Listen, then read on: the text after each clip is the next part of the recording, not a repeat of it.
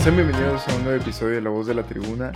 Iniciamos semana 4, una semana muy interesante con partidos de poder a poder, con partidos que nos dejan a un solo invicto por ahora en la NFL. Venimos de una semana 3 un poco complicada para predecir, un poco sorpresiva y también muy emocionante. ¿Cómo estás, Ian? Bienvenido. Hola, Aldo, muy bien. Estoy aquí emocionado por ver qué, qué, qué nos puede deparar esta semana. Una semana 4 que nos pinta partidos parejos, que nos pinta partidos con un tinte de revancha y por otro lado siento que también partidos que nos engañan con el récord. Algunos equipos que podemos decir ese récord no va a hacer que ganes este partido, pero no hay que guiarnos únicamente por esos. Entonces, me gustaría Ian iniciar con un poco de la semana 3, un poco con el contexto general antes de partir con la semana 4, con los partidos que tenemos quiero preguntarte puntualmente algunos equipos. Por ejemplo, ¿qué te pareció el desempeño de los Packers frente a Tampa Bay? En general creo que ha sido pobre y este, este desempeño en contra de, Tampa Bay en el Raymond James Stadium. Sobre todo, pues se ha visto como batallar bastante a Rodgers. Eh, creo que sí le ha pegado bastante el hecho de perder a Adams. O sea, se, se nota este, ahí. Eh, incluso, pues, tiene su intercepción, lo capturaron en una ocasión. Vemos, vemos cómo se frustra. Y del otro lado también vimos a, a Brady de la misma manera. De hecho, a Tampa me le ha costado bastante, bastante eh, avanzar, o más bien comer yardas a lo largo de estas tres semanas. Y, ganan, ganan por dos puntos solamente, eh, pero este, pasó literalmente Aaron Rodgers sin anotar ni un solo punto de, toda la segunda mitad. Y eh, por ahí es algo de prender alarmas. Honestamente, esperaban, esperaban más de este ataque. Tal vez la defensiva ha estado respondiendo, pero repito que el ataque de Tampa Bay tampoco ha sido una, una verdadera máquina. En este momento, Ian, los Eagles de Filadelfia son favoritos para llegar al Super Bowl del lado de la conferencia nacional sobre los Rams, sobre Tampa. ¿No crees que es una sobrereacción muy temprana de parte del público al comprar a Filadelfia en este momento, tras tres semanas, cuando es el único equipo invicto? Pues justamente, este, creo que de eso se vive en la NFL, ¿no? Sobre una sobrereacción tras otras semanas y la siguiente, ayer acaba de perder Miami su invicto y ya vamos a decir que Miami es un equipo que es de mentira. Y, así, o sea, y la siguiente semana volverá a ganar y probablemente gane otros cinco partidos en hilo y luego va a perder otro y vamos a decir que solo fue este una sobreacción y son muy malos. Entonces, sí, de, eso vivimos en la NFL, pero no creo que Filadelfia en este momento todavía me encante como para llegar al Super Bowl. Yo también tengo mis dudas con, con Philly pero habrá que ver cómo se desempeña a lo largo de esta temporada y en, esta semana que particularmente tiene un partido interesante frente a Jacksonville. Regresando un poco también a la semana 3, una sorpresa para muchos y que incluso lo platicamos aquí en el podcast, la línea de los Chiefs frente a los Colts. Visitaron Indianapolis y los Chiefs pierden por 3 puntos. ¿Qué crees que pasó? ¿Y dejó de hacer algo Kansas? ¿O realmente reaccionó Indianapolis después de ser blanqueados por Jacksonville?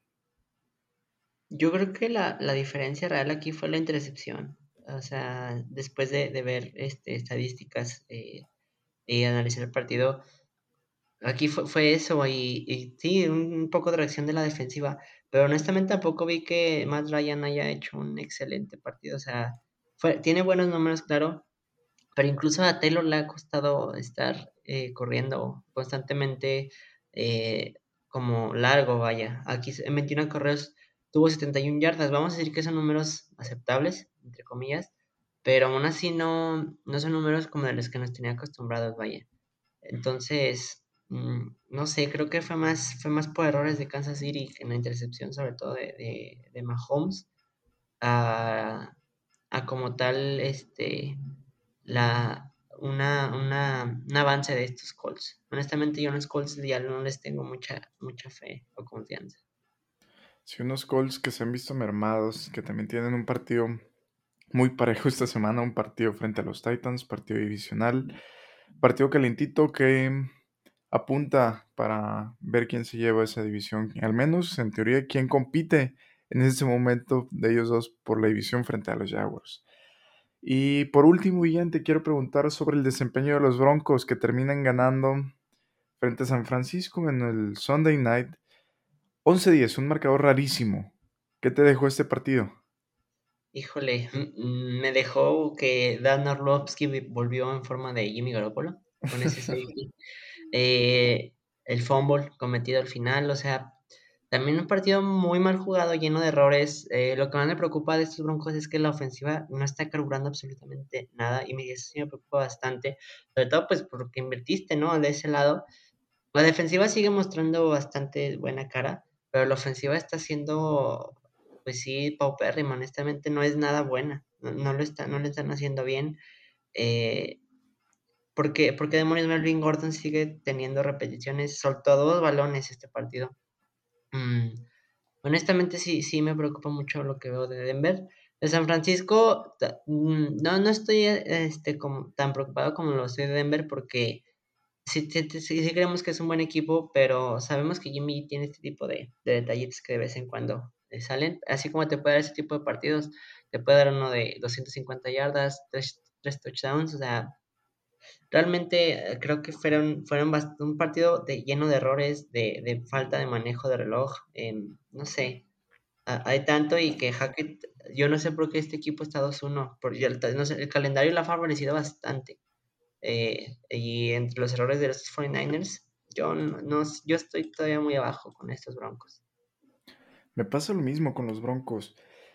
Dicen que ganar es ganar, estos Broncos ganan, estos Broncos van 2 a 1, pero no convencen nada, al menos para mí, incluso que para mucha gente que con la llegada de Russell Wilson pensaban que este equipo iba a ser claro candidato, que iba a estar sin lugar a duda en la postemporada, ha batallado muchísimo en sus tres partidos. Si lo vemos, en la semana 1 batalla mucho contra Seattle, lo pierde, en la semana 2 frente a los Texans y en la semana 3 frente a los 49ers. Todos han sido under, bajísimos los puntos que han anotado y los que han permitido. Siento que la, defensiva es lo que le ha permitido a este equipo estar ahí y tener ese récord, más que la ofensiva. Es lo que funciona en Denver. La defensiva que en zona roja, tengo que decirlo, es muy buena defensiva. Pero ¿qué tanto te puede soportar y qué tanto va a estar ahí esa defensiva cuando te enfrentes a un equipo que realmente ponga puntos sobre la mesa? Porque lo hemos visto Seattle no es una amenaza constante. Los Texans tampoco. Y los 49ers fue un partido lleno de errores, como tú dices. Esta semana me interesa mucho el partido frente a los Raiders y ya lo platicaremos un poco. Es un partido del que seguramente sacaremos muchas conclusiones. Pasando la semana 4, Ian, vámonos con todo. Vamos con el partido de Buffalo que visita a, la, a los Raiders. ¿Qué podemos esperar de ese partido? Desde mi punto de vista, un partidazo. Eh, Buffalo viene de perder el invicto la semana pasada. Este, pues sorpresivamente, de alguna manera, sobre todo por cómo se dio el encuentro. O sea, estadísticamente, tú me lo comentaste, después yo, corroboré el dato, fue inmensamente superior a lo que presentó Miami.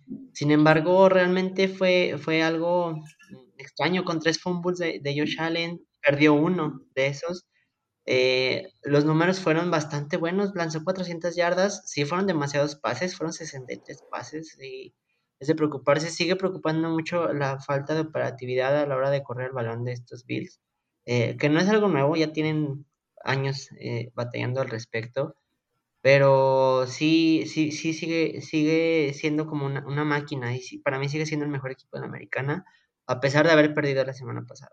Mm, mm, ahora eh, no era un partido fácil. Eh, además de visita en Miami, el clima no es fácil. No es, no es excusa para nada porque Buffalo creo que debió de haber ganado este encuentro con todo y eh, los, mm, los problemas climáticos que le representaban. Sin embargo, mm, me, está gustando el desempeño en general de, estos Bills. Este Fundix ha, tenido un buen año. Eh, no sé, eh, por tierra es lo único que, le criticaría a estos Bills. Y creo que van a estar bien, creo que van a, van, que vuelan para ser el sembrado número uno de, esta conferencia, eh, a pesar de venir, de venir de perder ese invicto. Del lado de Baltimore, pues la semana pasada, eh, por momentos se vio que los Patriots pudieron haber respondido un poco a estos Ravens, pero honestamente no vi un momento exacto en el que dijeras, no, los Patriots tienen la oportunidad de ganar. Es cierto que tal vez tuvieron que meter este presión, no sé, un poco más el acelerador, pero Lamar está, está jugando bastante bien, es el que más touchdowns tiene, tiene todos los corebacks, el que mejor rating tiene en estas tres semanas, entonces va, va, va bastante bien. Eh, del lado de, pues de los Patriots, con las tres intercepciones de Mac Jones, no, no creo que puedas hacer mucho. es algo que no me sorprende honestamente en este coreback. Mm, pero bueno. Mm, Lamar tiene su propia intercepción, pero corrió 107 yardas, un touchdown. O sea, tuvo cinco touchdowns totales en este encuentro. Es cierto, lo interceptaron en una ocasión, pero fue bastante precisa en cuanto, en cuanto a pases. solo falló 11, 11 pases. Entonces, de 29 lanzados. Y, me, me, gusta, me gusta lo que he visto de estos Ravens y creo que va a ser un partidazo, honestamente. Eh, creo que vamos a, vamos a ver como fortalezas contrarias, ¿no? Por un lado vamos a ver el ataque aéreo con Josh Allen de estos Buffalo Bills y por otro lado veremos el ataque terrestre eh, de estos Ravens que de vez en cuando pueden lanzar y lo hacen bastante bien. Mm, mm, la defensiva secundaria de Baltimore me sigue dejando bastantes dudas y solo por eso, eh, con todo y que va de visita, me voy a quedar con Buffalo para el encuentro. No podría estar más de acuerdo con lo que mencionas de la secundaria de los Ravens. Es algo que le puede hacer mucho daño el pase aéreo a, a estos Ravens y siento que va a pasar factura también. Los Bills vienen de perder. Es un equipo que no le gusta perder. Lo, lo, vimos la semana pasada, las frustraciones que había durante el partido y también un partido con un final un poco extraño con ese safety al final y después con el no lograr de parte de Josh Allen concretar los puntos. Se quedaron a solo dos puntos de los Dolphins. Y de parte de los Ravens, siento que deberían de estar hasta cierto punto 3 a 0. El partido frente a Miami también puede ser muy engañoso. Era un partido en el que iban ganando por 21 puntos. Hay errores puntuales que cometieron y que permitieron que los Dolphins se metieran de nuevo al partido. Para mí ese juego debería de ser equipos 3-3. 3-0, 3-0, perdón. Creo que debería de ser así. Entonces, es un partido que me llama mucho la atención, que son fórmulas contrarias, los Bills atacando prácticamente solo por aire, mientras que los Ravens, como lo dices, atacan por aire ocasionalmente cuando lo necesitan, pero su fórmula principal es el ataque terrestre. Me gustan los Bills para este partido. Lamar Jackson está intratable, está jugando muy bien, quiere ganarse un super contrato y no lo culpo. Siento que es claro candidato al MVP, al menos en tres semanas. No quiero precipitarme, junto con Jalen Hurts y también con Josh Allen. Siento que son los tres principales en este momento. ¿Tú cómo ves esa parte del MVP? No podría estar más de acuerdo también contigo.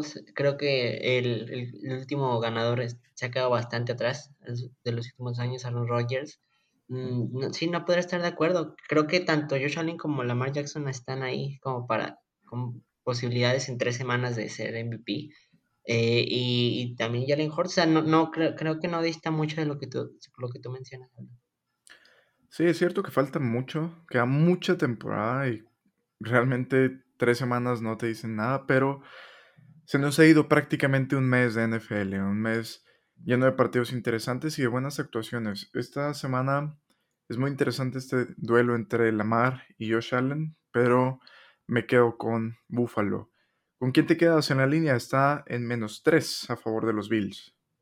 Híjole, de visita. Visita, sí. Visita Buffalo menos 3. Mm, no lo sé, creo que sí. no, no sé. Yo creo que sí van a ganar por 3 puntos, pero no, si me pones 3.5 la tomaría Baltimore, honestamente. Estoy así. sí, yo me quedo con el 3 a, a favor de Buffalo. Los 3-5 ya me hace dudar igual que tú. Me voy con, con Búfalo para la línea, me voy con Búfalo a ganar el partido. Pasamos al siguiente partido, bien. ¿Algo que nos quede pendiente de este o nos vamos hasta Filadelfia? Vámonos a Philly. A Philly. Filadelfia recibe a los Jacksonville Jaguars, un equipo que se ha visto bien, que se ha visto la mano del cocheo y que Doug Peterson ha puesto su sello en este equipo, que Al inicio de la temporada tú lo mencionabas, ojo con Jacksonville, ojo, ojo. Y que ha ido escalando lugares en el Power Ranking que se ha visto bastante bien. Viene a ganarle a los Chargers y está convenciendo este equipo. ¿Qué podemos esperar en un partido de estos Jacksonville Jaguars que son la revelación de este torneo frente al equipo invicto, al único equipo invicto hasta el momento?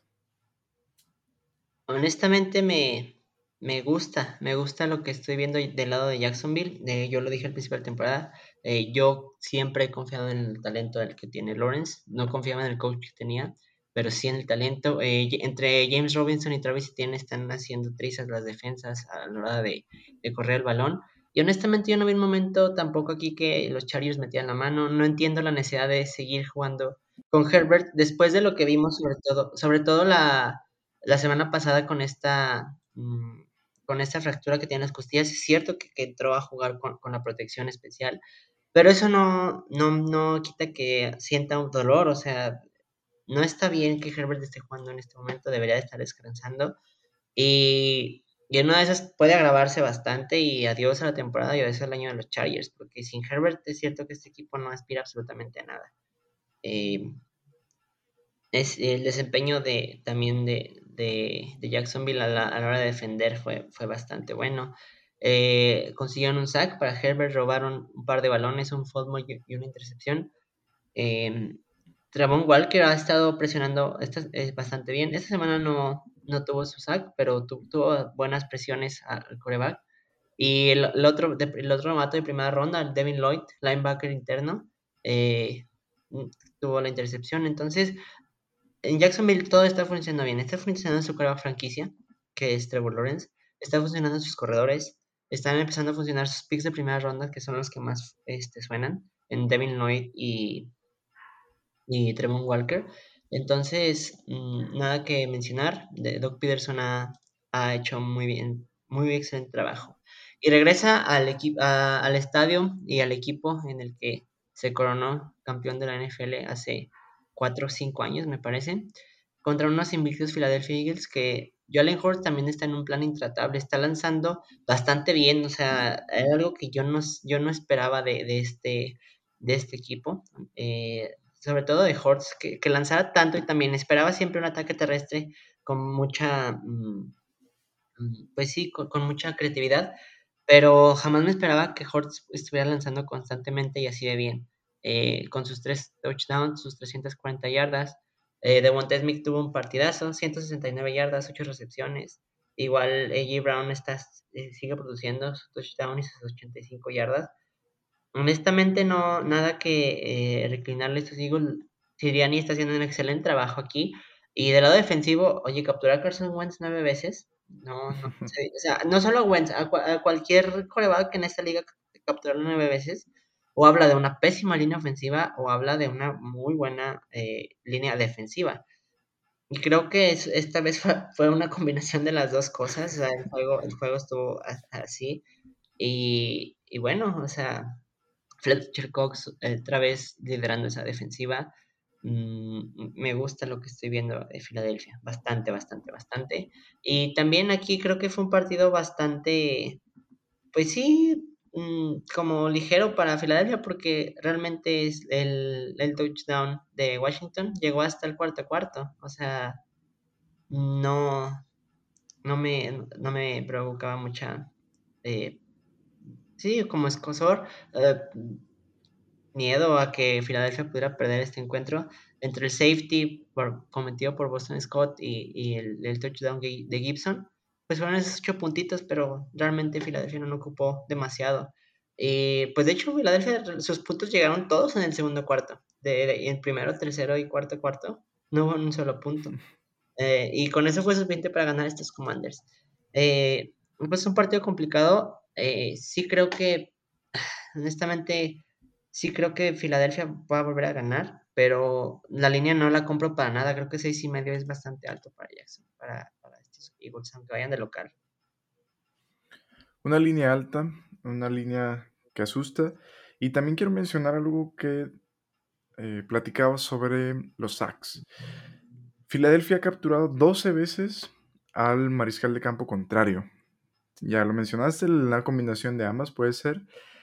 Pero también me interesa saber cómo puede reaccionar Trevor Lawrence frente a eso. Ha sido capturado únicamente dos veces en la temporada, mientras que los Eagles han capturado 12 veces. Quiero ver cómo reacciona Trevor Lawrence y cómo eh, funciona su línea cuando le presionen.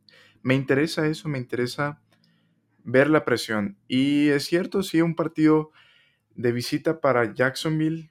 Um, también quiero decirte que cuando iniciamos este podcast, esta temporada 2022, ambos nos preguntamos quién podría ser un caballo negro. Creo que nos duró muy poco. No el caballo negro, sino el que sea no favorito, que sea underdog. Poníamos por una parte a Filadelfia y en algunos otros partidos tú ponías a Jacksonville. Siento que están subiendo mucho la inclinación o la gente que se está subiendo al barco de estos dos equipos. ¿Con quién te quedas a ganar este partido? Creo que Filadelfia lo va a ganar por la, línea en la creo para, o sea, la, la, la para Jacksonville. Yo también me voy con Filadelfia para ganar, cubrirme me cuesta un poco y sobre todo por lo que mencionas también de los puntos. Filadelfia está anotando en periodos de tiempo muy cortos y en lapsos del partido no tiene ni un solo punto. Ya le ha pasado en las tres semanas. En la semana número dos, déjame decirte cómo les fue. En, el, bueno, en la semana número uno, eh, frente a los Lions, anotó únicamente en dos cuartos, 24 y 14 puntos. Tiene rachas de puntos muy calientes en las que anota y anota y anota. En la semana número 2 frente a los Vikings, en el prime time, en una actuación decepcionante de Kirk Cousins, Filadelfia anota únicamente en el primero y en el segundo cuarto.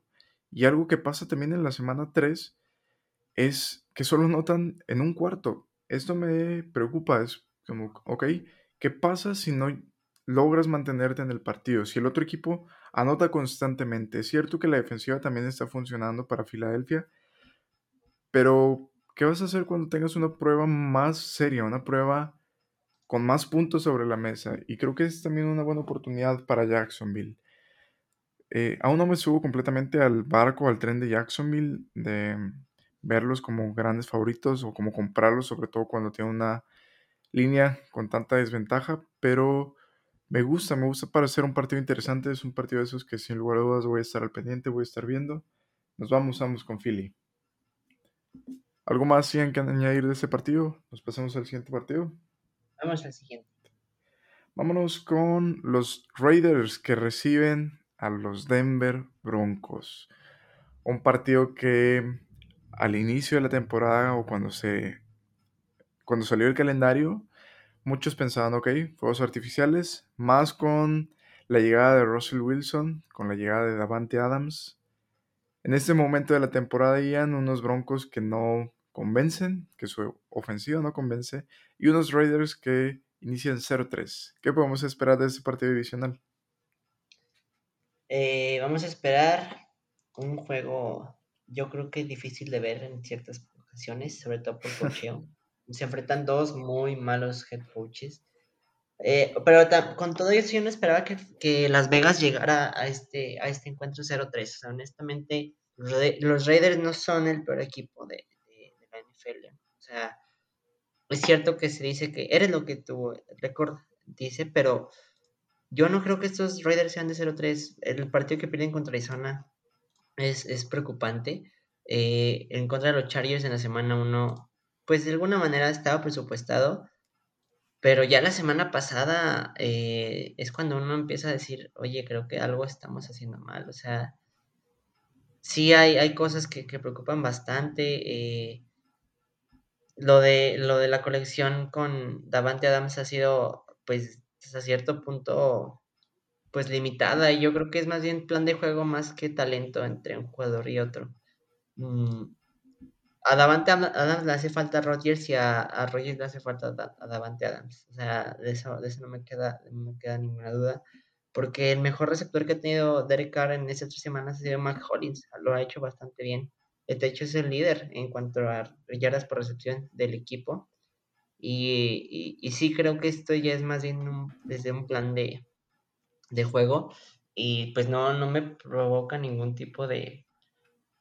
Pues de de emoción verlo así y, creo que por ahí va, va este 0-3. Del lado de Denver ya comentamos eh, al inicio, o sea, la defensiva lo ha estado haciendo bastante bien, sin embargo la ofensiva es, triste, es triste ver a Russell Wilson eh, con ese tipo de, de, play calling y es de llamar la atención teniendo todo ese potencial ahí como, como lo desperdicias, vaya. Y sí, me, y sí me preocupa que voy a ver aquí en este encuentro. Honestamente me preocupa bastante que voy a ver en cuanto a coaching entre McDaniels y Hackett. Seguramente alguna cana verde me saldrá aquí. Eh, pero yo creo que Las Vegas ese es el partido que empiezan a, a, su primera victoria, vaya, en cuanto a récord. No solo por eso, en los últimos cuatro partidos los ha ganado Las Vegas. Dicen que, bueno, la casa nunca pierde en Las Vegas hasta que llegaron los Raiders. Y me parece que esta semana no va a ser así. Yo me voy con los Raiders esta semana.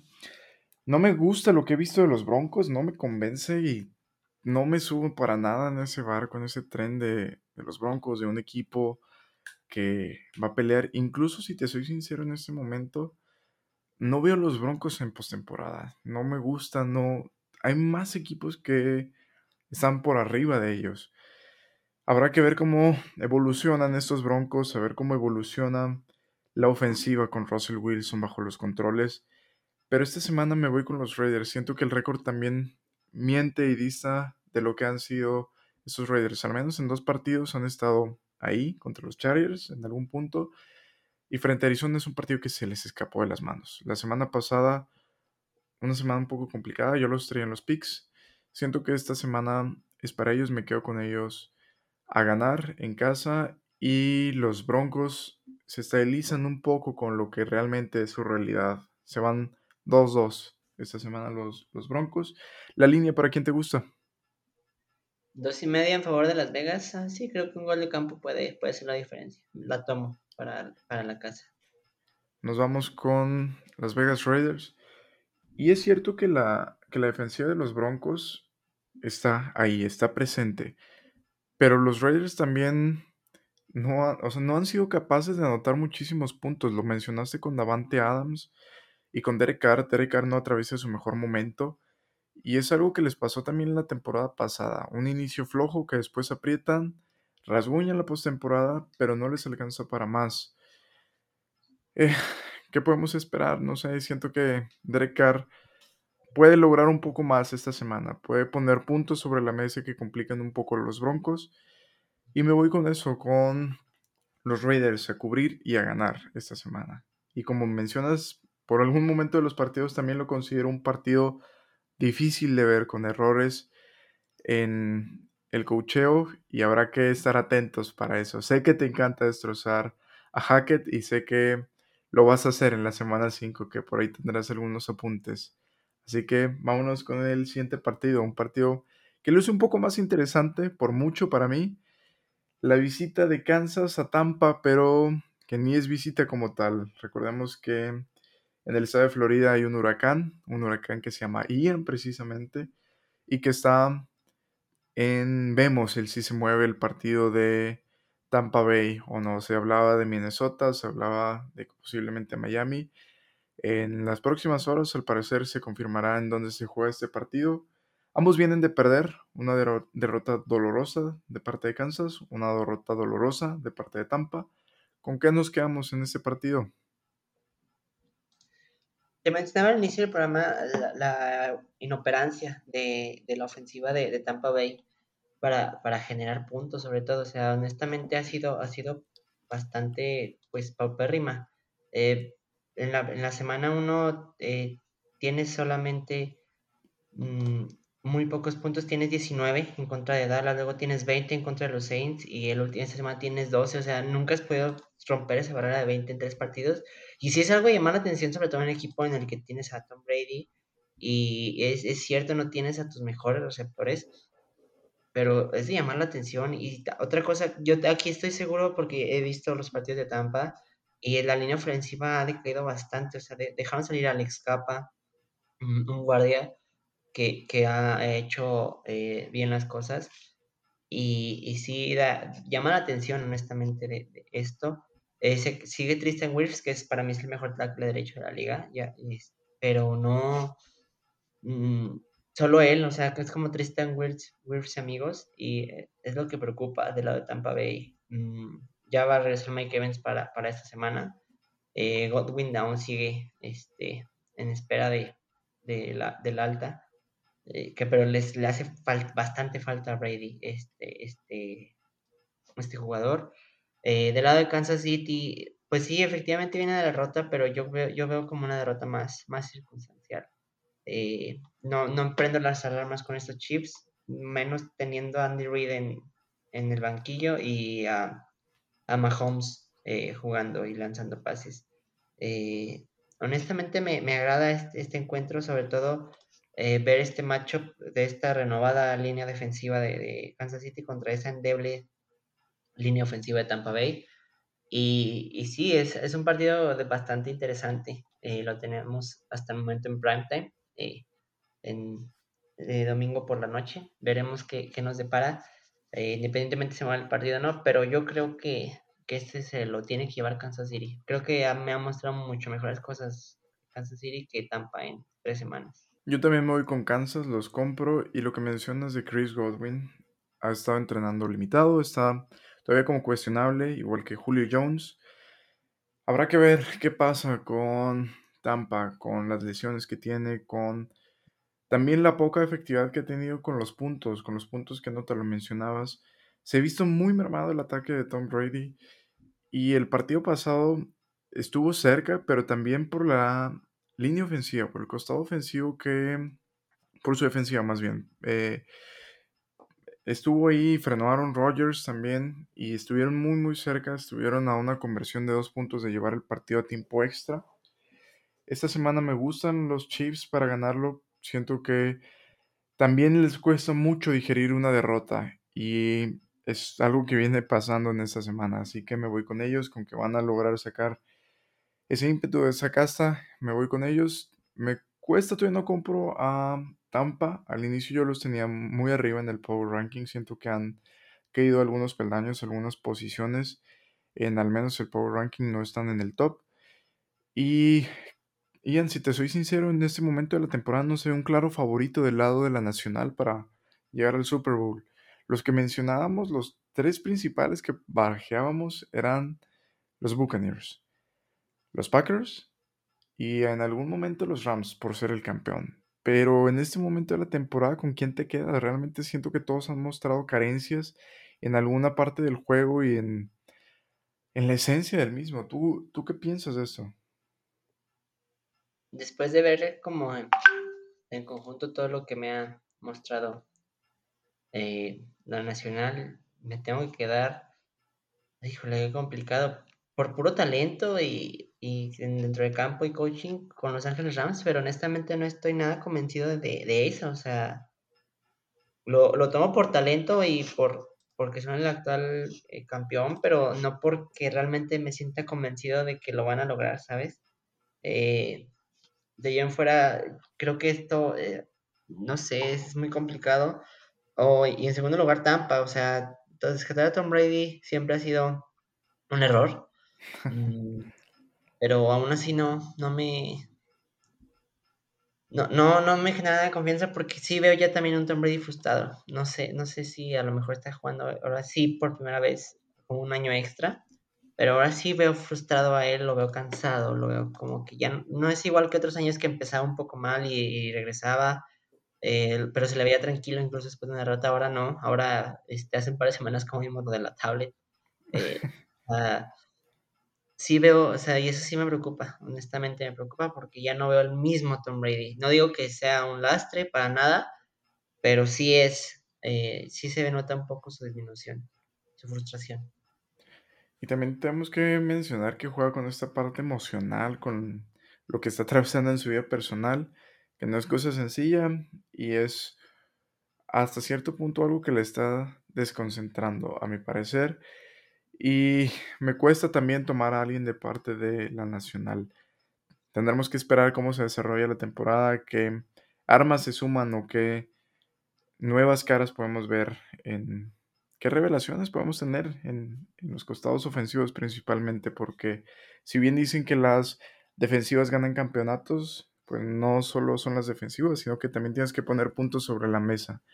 Así que, regresando al partido de Kansas frente a Tampa, ambos compramos a Kansas. Es un partido que está sumamente igualado, que está en pick prácticamente, la línea está en cero. Así que cualquiera de los dos eh, paga lo mismo. Así que ambos nos vamos con Kansas en pick. ¿Algo que añadir, Ian, de este partido? Nada más, Aldo.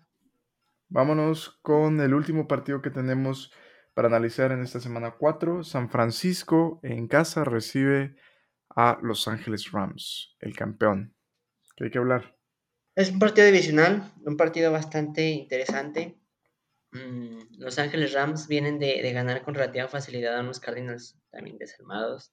Eh, números discretos de parte de Stafford, eh, sin touchdowns, mm, sin intercepciones, algo raro en él. Eh, pero, este, pues honestamente creo que vienen de un partido al menos del lado ofensivo, sin muchas exigencias, un 20-12. Igual, o sea, como de alguna manera de ratos complicado, o sea, y por eso mismo es lo que mencionabas tú hace unos momentos. Ves el campeón, pero luego ves a Tampa y luego ves que las ofensivas no cuadran y, les cuesta mover el balón. Y, bueno, eh, de hecho me, está gustando más San Francisco por, modos de juego y por momentos, o incluso los mismos Lions. Eh, fíjate a lo que estamos llegando del lado de la Nacional. Esto es una sobreacción, obviamente, de tres semanas, pero hasta los Lions se han visto mejor que, estas ofensivas. O sea, la ofensiva de, Detroit está haciendo bien las cosas. Y con Jared Goff como coreback titular. O sea, ahora solo imagínate que Detroit tuviera a Matthew Stafford. No, solo lo digo así. o sea, ha, ha, estado difícil de ver. Y del lado de San Francisco, sí, perece a Trey Lance, pero en teoría Jimmy Garoppolo está mejor que Trey Lance. O al menos así lo, lo veo yo. O sea Mm, George Kittle sigue como, ya jugó, ya todo, pero sigue, bueno, yo lo veo así como un poco tocado, un poco limitado a la hora de jugar. Esperemos que por esta semana esté mucho mejor. Eh, pero sí, va a ser un partido de pocos puntos. ¿eh? De hecho, el over-under está bastante bajo en 42 y medio. No sé, está, complicado de, predecir.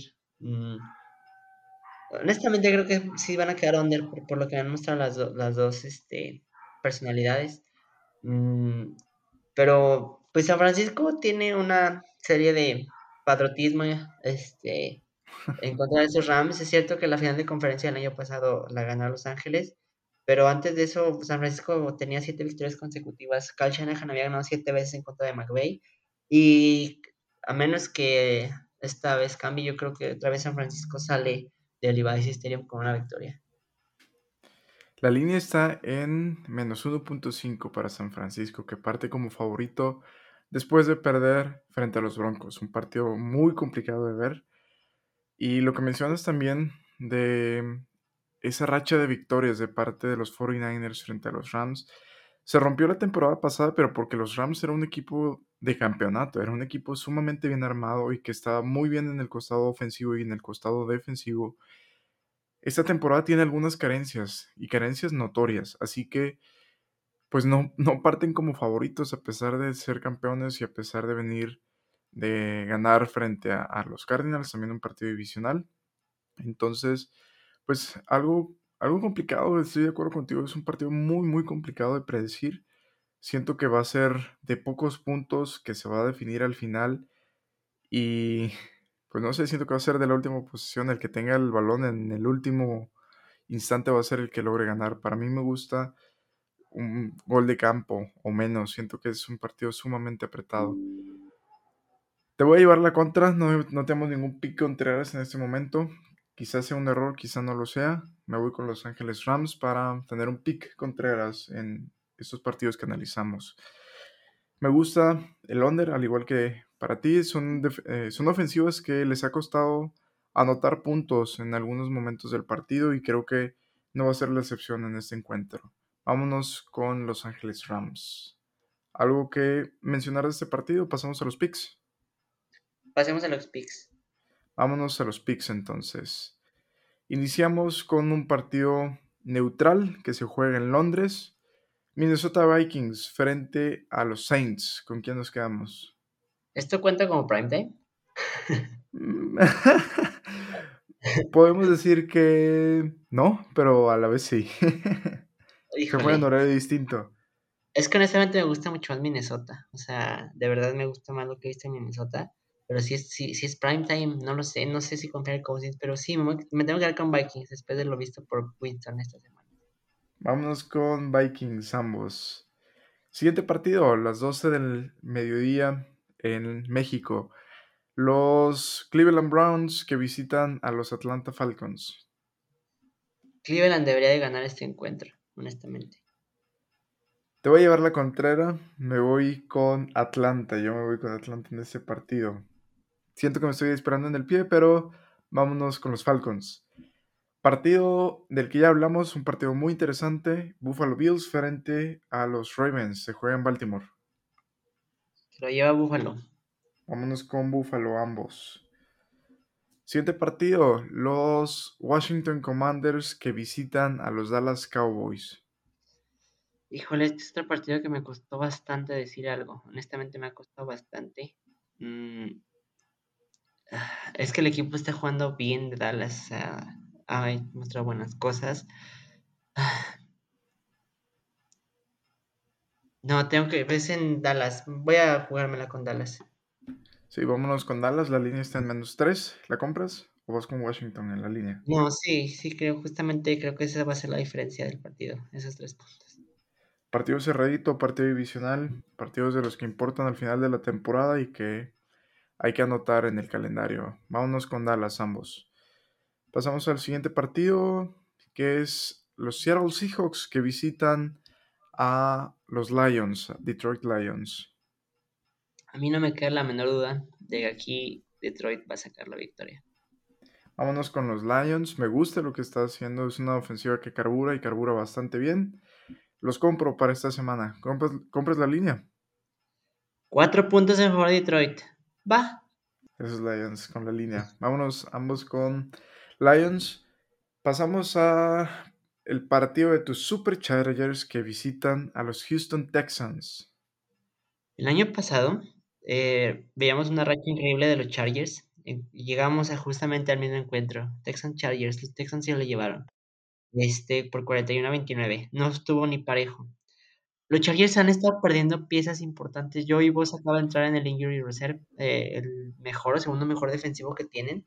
Eh, no sabemos cómo vaya a regresar eh, Herbert después de, la semana pasada. A ver, me voy a quedar con Chargers por puro este, talento de roster. Pero es de esos picks que, que alertan. No tomaría aquí a Los Ángeles en el Survivor ni, ni en drogas, honestamente. También tengo que mencionar algo de los Chargers. Lo que nos ha quedado de ver Austin Eckler. De verdad, 32 acarreos para 80 yardas. Me cuesta mucho. Es una pieza que le ha estado faltando a esta ofensiva, que le ha estado faltando a estos Chargers y que su ataque se ha basado prácticamente en Herbert, Herbert, Herbert. Y es algo que alarma. Y también tengo que decirlo, estos Texans, todo el mundo los pintaba como un equipo que iban a regalar victorias.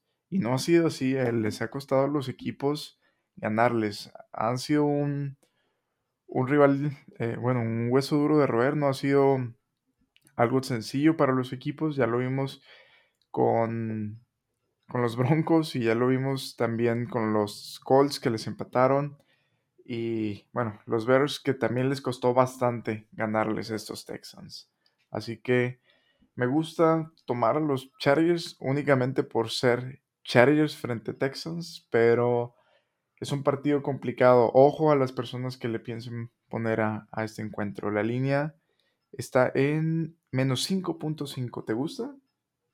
No, no, con los Chargers ya no. Te da frío la línea con los Chargers. Bastante. Vámonos al siguiente partido entonces. Vamos con los Titans que visitan a los Colts, partido divisional también.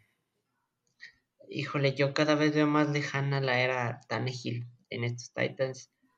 Me voy a quedar con Indianapolis, no por eso creo que va a ser un, eh, un trabuco, pero me voy a quedar por localía y por bastantes cosas más con Indianapolis, pero no, no me sorprende nada que ganaría Tennessee. Me gustan los Colts, ambos vamos con los Colts. Y siento que es un equipo que juega bastante bien en casa. Lo vimos la semana pasada que por una u otra cuestión terminan respondiendo como locales. Así que vámonos con Indianapolis a ganar. Siguiente partido, nos vamos hasta Nueva York, la visita de los Chicago Bears. ¿Con quién nos vamos? Híjole, otro partido complicado. hasta de ver. sí, sí, sobre todo con Jones ahí. Salen con favoritos los Giants. Son dos equipos que van 2 a 1. Mm. Ah, es que no me gusta tampoco el planteamiento que le hacen a Fields. Honestamente me, me cuesta trabajo ver a este, a este equipo. Mira, por, por localía, no va a quedar con los Giants, pero yo no me sorprende absolutamente. Es más, no, vamos, aquí nos vamos a ir Contreras. Estos, estos picks que vámonos Contreras. Tú aquí te dejo tomar, dejo tomar a ti y el que no tomes tú, pues lo tomo yo. Ah, es, es, que es realmente muy complicado tomar a alguno. Yo también pensaba irnos Contreras. Lo complicado que me cuesta tomar a los Giants. No es un equipo al que siquiera le quiero poner. Los Bears es un equipo, no sé, como que tengo cierto cariño, pero es un equipo muy malo. Es un equipo que de casualidad está 2 a 1. Nada más por eso. Pero Ah, vienen de, ganar los Bears, vienen de perder los Giants en primetime. Ah, no sé, tengo que irme con... Voy a tomar el que no es favorito, me voy con los Bears. Te dejo el underdog esta semana. Me voy con los Bears en este partido. Ok, entonces toman los Giants.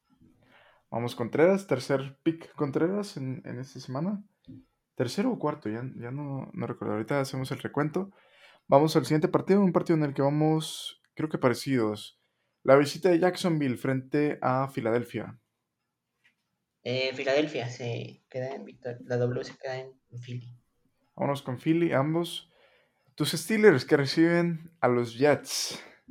Ya no juega Joe Flaco, ¿eh?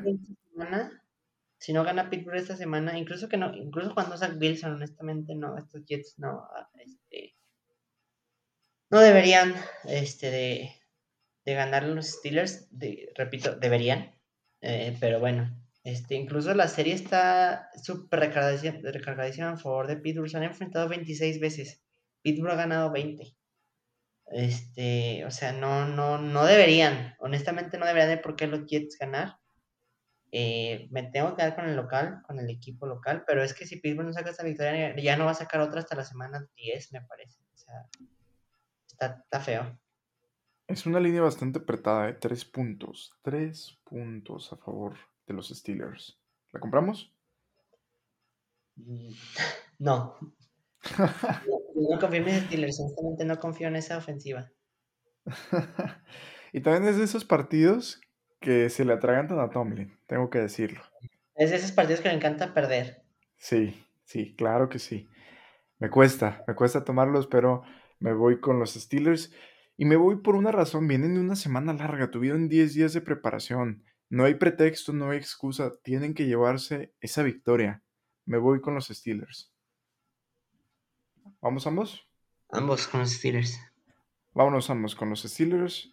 También ya no juego yo flaco, Zach Wilson. Tiene que haber ahí un poco de cambio en la ofensiva. Tiene que tratar, bueno, tardar un poco en, acomodarse eh, esa ofensiva. No hay pretexto para los Steelers, pero siento que pueden encontrar la manera de perder. ¿La siguiente semana contra quién van estos Steelers? La siguiente semana toca Buffalo. No. De visita. De visita, de visita, sí. Entonces, no, y luego de Buffalo sigue Filadelfia, no, Tampa, y luego Sé que sigue, eh, o sea, no me sé el orden exacto, pero sé que los próximos rivales es Buffalo, Tampa, Filadelfia y Miami. O sea, por eso es lo que te menciono. O sea, no tiene un calendario nada sencillo. Te lo voy a decir. Después, Buffalo, Buccaneers, Miami, Eagles. Pues es lo que te estoy mencionando, están los cuatro rivales. Sí, sí, sí, es, es un calendario complicado. Y de esas, tienen dos de visita, de tres de visita, visitan también a, Philly. Entonces, calendario complicado. Si quiere pelear algo los Steelers es esta semana. Vámonos con ellos, no hay pretextos. Partido de las 3 de la tarde. Los Cardinals visitan a los Carolina Panthers. Híjole. Aquí me voy a quedar con el local. Vamos con Carolina. Sí, siento que Arizona es un equipo muy mal coachado. No me gusta, no me convence. Y déjate un mal coachado, muy mal liderado por jugadores. O sea, que Kyle Murray sea tu líder, demonios. Sí. O sea, estás en un problema enorme. Algo que me pasa con Carolina, te lo decía igual que con los Steelers, cuando lo pongo en los picks, me va mal, muy mal. No le atino. La semana pasada yo no los tenía ganando. Ganaron. y esta semana espero que ganen. Tenemos que repuntar en los picks, tenemos que remontar. Tiene que ser una semana 4 muy buena, porque hemos dejado ir algunos partidos por ahí. Vámonos con Carolina de local, ambos. Un partido complicado para los Patriots, el siguiente, un partido sin Mac Jones, sin su quarterback titular, y aunque estuviera Mac Jones, sería un partido sumamente eh, complicado. Partido en el Lambo Field. Los Patriots visitan a los Green Bay Packers en la línea más alta de esta semana. 9.5 a favor de Green Bay. ¿Con quién nos vamos? Yo este me gusta para Survivor. O sea, si yo, si yo jugara Survivor esta semana, yo tomaría Green Bay. Es precisamente el equipo que tengo para Survivor esta semana. Justamente. Los Green Bay Packers. Semana 4, Survivor, seguimos vivos. Vámonos con ese equipo. ¿La línea la tomas? ¿10 puntos? Uff, 10, 10, 10. Por respeto a Belichick no lo voy a hacer, pero honestamente no me sorprendería que sí la cubrieran. También es cierto que la ofensiva de los Packers no se ha visto dominante, aplastante. No es lo que ha sido en el pasado justamente personal tomo. Lo del respeto a Belichick fue cortesía, pero da miedo, da miedo esta ofensiva de Green Bay. O sea, da miedo para, o sea, para mal, pues a veces sí, tiene mucho, unas trabas terribles. Veo un partido por tierra completamente de estos Patriots. Va a ser su estrategia, agotar el rock, llegar lo más lejos que puedan con una diferencia mínima y tratar de apretar al final. Es la... Además, el over está bajísimo, está en 40 y medio. Sí, no, o sea, en un, una, en un marcador tan cerrado, con tan pocos puntos, obviamente no puedes tomar una línea de 10 puntos, es sumamente complicado, o sea, por mera lógica, por mera estadística, es complicado. Me gustan los Packers para Survivor, me gusta como pick y no me gusta como línea. Eso tampoco quiere decir que se la metería a los Patriots, no metería la línea a favor de los Patriots, simplemente la saltaría. Vámonos con el siguiente partido. Raiders recibe a Denver Broncos. Eh, Raiders, Las Vegas que se gana, gana este encuentro. Vamos, vamos con los Raiders. Penúltimo partido de la semana. Primetime, domingo por la noche. Kansas City Chiefs visita Tampa Bay, o puede ser Minnesota, o puede ser Miami. Lo veremos en las próximas horas. Pero prácticamente confirmado que es en estadio neutro. ¿Con quién nos vamos? Eh, se lo lleva Kansas City. Vamos con Kansas ambos, por lo que mencionábamos en el análisis. Y ahora sí, último partido, lunes por la noche.